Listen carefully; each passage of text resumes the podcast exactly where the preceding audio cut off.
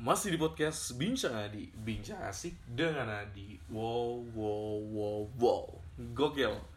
Sudah lama banget Gua dan Sobat Bincang Adi tidak berjumpa di konten seputar bincang baca berita yang kelewat di timeline. Wuh, tepuk tangan dulu dong. Gokil, gokil. Tapi kayaknya emang kalian ini udah banyak banget yang kangen dengan ngobrol. Maksudnya gue ngobrol sendiri kayak gitu ya Terus juga gue gak berhenti-berhenti, gak bosan ngingetin ke kalian ka- Bagi kalian yang mau curhat, bisa banget eh, Apa namanya, tulis eh, curhatan kalian di Google Form Linknya di bio gue, oke? Jangan lupa Nah, masih sama pastinya Gue akan bacain berita tentang seputar kehidupan Seputar bahasan kekinian dan seputar jijipangan eh yang bakal kelewat di timeline gue. Oke, berita pertama ini ada berita dari di Riau ya, kayak gitu. Jadi sebenarnya judulnya yang buat gue eh, apa ya kayak kaget gitu. Jadi ada seorang pria, eh, seorang pria gitu ya. Jadi sebut aja inisialnya L kayak gitu. I, I bukan L, sorry. Nah, jadi eh, si I ini dia membakar jadi membakar eh, kantor pemerintahan karena istrinya istrinya masuk kerja di hari libur kayak gitu ya. Nah, kita langsung aja bacain beritanya. Seorang pria di Pekanbaru, Riau berinisial I ditangkap karena membakar kantor Badan Perencanaan Pembangunan Daerah Provinsi Riau di Pekanbaru Selasa eh, 2 Februari, eh, Selasa Februari, Selasa 1 Februari 2022. Kayak gitu ya. Betul sekali. Nah, pembakaran ini dilakukan karena I ini kesal istrinya merupakan pegawai Bapeda Riau masuk kerja di saat hari libur. Nah, cuman maksudnya kan cukup aneh juga waktu gue baca ini. Jadi kalau gue boleh komentarin kan eh, yang namanya pemerintahan eh, pemerintahan udah pasti liburnya tuh udah pasti sesuai gitu loh. Udah pasti ngikutin ya di pusat kayak gitu. Kalau memang hari tanggal merah libur ya libur kayak gitu. Cuman memang kita juga harus tahu kalau mungkin yang perusahaan yang yang katakanlah apa ya?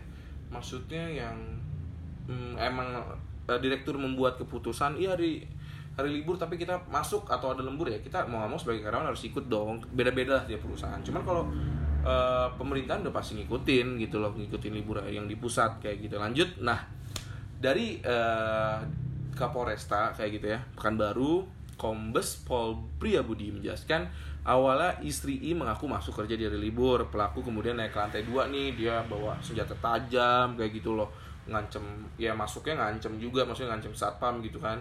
Masuk ke lantai dua gitu loh. Terus kemudian dia tuh nggak nemu istrinya di kantor. Akhirnya dia kesal eh, dia membakar sofa. Setelah itu pelaku cabut meninggalkan kantor. Nah Katanya istri pelaku ini memang benar adanya kerja di Bapeda Riau. Awalnya pelaku ingin mencari istrinya, namun tidak ada, namun tidak ada lah kayak gitu.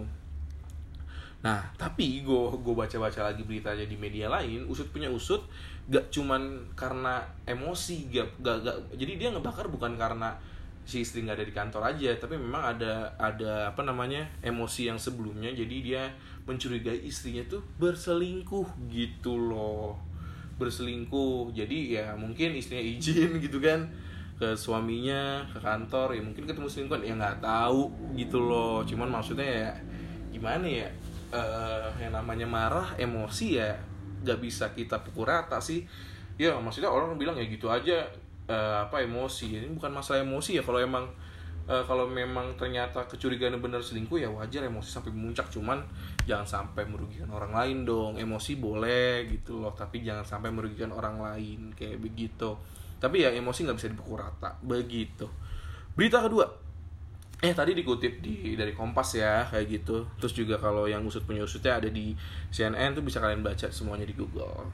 Tentang berita kekinian update nih. Jadi eh, ini update berita kasus pelecehan Gofar Hilman kayak gitu. Jadi kemarin gue sempat eh, ketemu di di timeline Instagram gue eh singkatnya sih gue akan bacain detail. Maksudnya gak, gak dari awal. Intinya waktu itu yang gue tahu ya mungkin bisa kalau salah bisa diralat kayak gitu. Jadi si cewek ini speak up di Twitter ya kalau nggak salah ya. Speak up di Twitter dia mengaku dapat pelecehan seksual dari Gofar Hilman kayak gitu.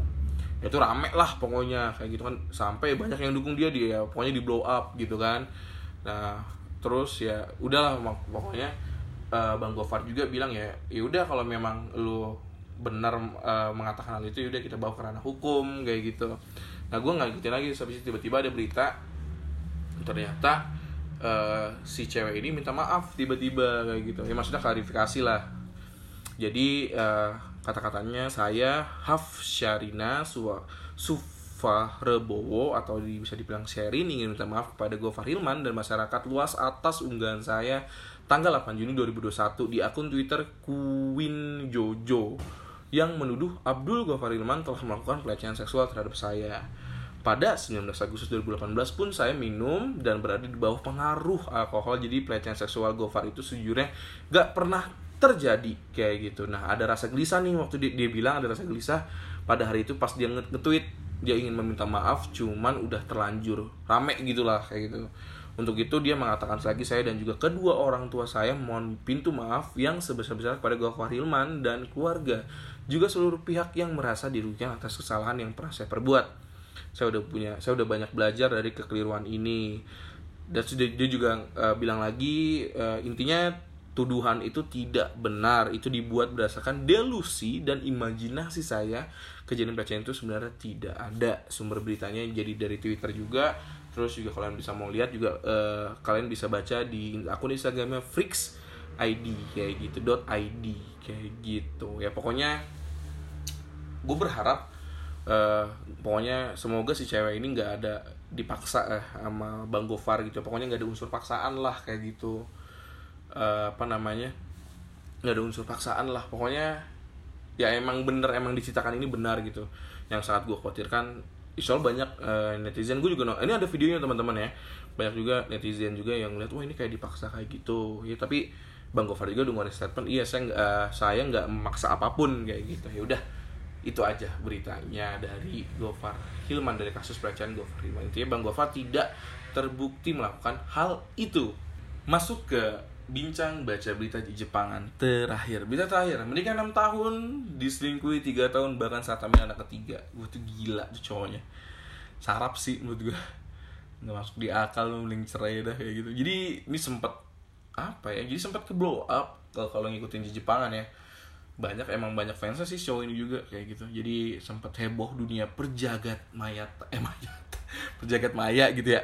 Dunia jagat maya Jepang gitu loh. Jadi skandal perselingkuhan Masahiro Higasade suami dari uh, suami dari aktris yang bernama Ane Watanabe gitu loh. Akhirnya keduanya resmi bercerai kayak gitu. Dan dan gokil ini gila ini orang. Uh, gue gak tau lupa doramanya apa. Kayak dorama dia bukan movie. Ini si Mas Masiro ini dia selingkuh sama temen lawan mainnya dengan nama Erika Karata sempat kayaknya gue unggah di story kayak gitu ya. Cuman gue nggak jadi nonton karena menurut gue romansnya rada dark gitu yang agresif gitu. Gue nggak berani nonton nonton yang gitu. Gue lebih suka yang romance komedi gitu. Ya pokoknya kacau kalau mas Masahiro Higasade sudah mendapatkan istri yang cantik pintar itu tuh. Uh model juga masih tidak puas dan bahkan anda bodoh sangat bodoh gitu loh. Uh, jahat sih ini udah udah parah jahat lah ini orang uh, dihamilinnya uh, saat eh dihamilin tuh dia selingkuh pas saat lagi hamil anak ketiga. Kayak gitu ya udah. Itu aja bincang baca berita yang gue bawakan hari ini yang gue bawakan hari ini. Thank you banget mm, buat teman-teman yang pastinya selalu dengerin podcast bincang Andi nungguin gue baik di hari Selasa baik di hari Jumat. Mungkin ada tambahan satu ya di malam Jumat. Edan eh, episode horror kayak gitu. Kayaknya bakal ada tayang lagi sih di minggu ini tapi kita lihat aja sekali lagi gue Adi pamit. Tetap di podcast. Kebelibet sekali lagi gue Adi pamit. Tetap di podcast bincang Adi bincang asik dengan Adi. Thank you semuanya. Sehat-sehat buat kalian. Tetap jaga prokes kesehatan oke? Okay? tetap jaga prokes jaga kesehatan dan sehat-sehat untuk kalian semua. Dadah